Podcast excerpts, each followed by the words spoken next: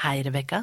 Hei, Rebekka. Det er så kult å si Rebekka, Rebekka. Det er det. Ja, Og podkasten vår heter jo eh, Rebekka, Rebekka i gode onde dager. Ganske kult navn. Ja, vi syns det er veldig kult. Og hvis ikke du som hører på syns det er så kult, så skal vi nok eh, få eh, overbevise dem om at dette er det, fordi dette blir en podkast med sex, drugs and rock and roll. Oh yeah. Vi skal i hvert fall touche temaene. Eh, hva er egentlig sex? Hva er eh, erotikk? Eh, hva er, eh, er Er du heterofil? Er du lesbisk homofil? Eller hva er vi egentlig? Kanskje du bare er forelska? Ikke sant? Kan være det. Trenger ikke være verre enn det. Nei, for det er jo mye sånn eh, det er jo, altså Hvis man ser på kjærlighetsfilmer i dag, så kan man jo bli litt sånn forvirret. ikke sant? Altså Hva er det man egentlig skal føle? Men jeg tror litt på det der at hvis man tør å være litt ekte, så, så eh, kommer det noe bra ut av det. Eh, det er jo 19 år mellom oss, da. Det er det. Og vi har jo levd våre liv, og, men har mye til felles også. Ja. Hva, ja, vi tenker jo at vi har lyst til å snakke om de gode og onde dagene. Ja. Eh, på tross av eh, aldersforskjellen også. Ja. Vi er kanskje litt tøffere enn de fleste, vil jeg Vi er det. Ja.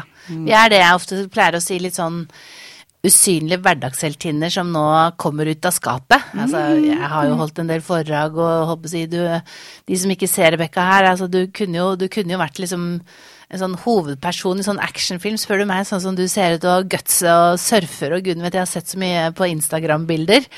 Men, men eh, hva er det vi Altså det at vi liksom faktisk eh, er interessert i å ta opp temaer som angst og seksualitet og sånn, handler jo litt om at dette er temaer som, eh, som er viktig å ha litt kontroll på. Ja. Fordi hvis det, De fleste er jo veldig usikre på det. Veldig mange tror jo at de eh, lever i en sånn angstboble og nesten ikke kan være ute blant folk. Ja, og vi eh, har jo møtt på noen vegger opp igjennom og har stått igjennom eh, eh, tunge tider og eh, sprudler når vi kan og gråter når vi må. Eh, og Jeg føler vi er litt sånn krigsveteraner. vi er det. Ja, hvis man bruker den metaforen. Fordi du har jo, håper jeg, håper si, du har jo også opplevd en del ting i livet ditt. Fortell liksom kort hva som gjør Ja. at du vet hva en dårlig dag er. Ja, en dårlig dag for meg. Altså, den, eh, den er litt Den er vond, men jeg, jeg kan våkne en dag og ha dårligere syn. Ja, hvordan er det mulig? Det er mulig fordi jeg har en kronisk sykdom som eh, jeg oppdaget da jeg var ni år, eh, av en ren tilfeldighet. Jeg var hos øyelegen. Ja. Hvor øyelegen da ser at jeg har en tumor på mitt høyre øye. Oi. Ja.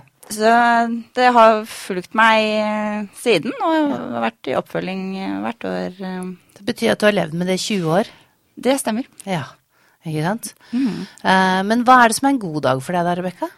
En god dag er en bekymringsfri dag. Yes. Åh, det var sånn der, Nå hadde jeg nesten lyst til å ha sånn musikk, sånn der eh, solskinn og litt sånne ting.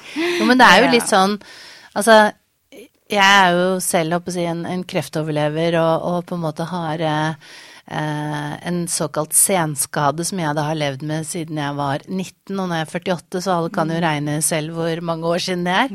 Men, men eh, jeg våkner jo opp med enormt mye stress hver dag, jeg selv med en stressmester, fordi jeg har fysiske smerter.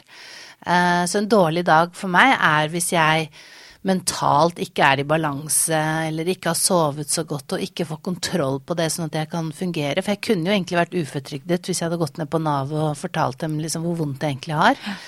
Eh, Men en god dag for meg, det er jo det der å, å ikke kjenne på så mye smerte, og ikke minst møte herlige mennesker. Jeg elsker å møte mennesker, eh, særlig de som er ekte. Ikke sant? Jeg også. Så vi har masse å snakke om. Dette det blir kjempebra. ja. Så bare følg med. Ja.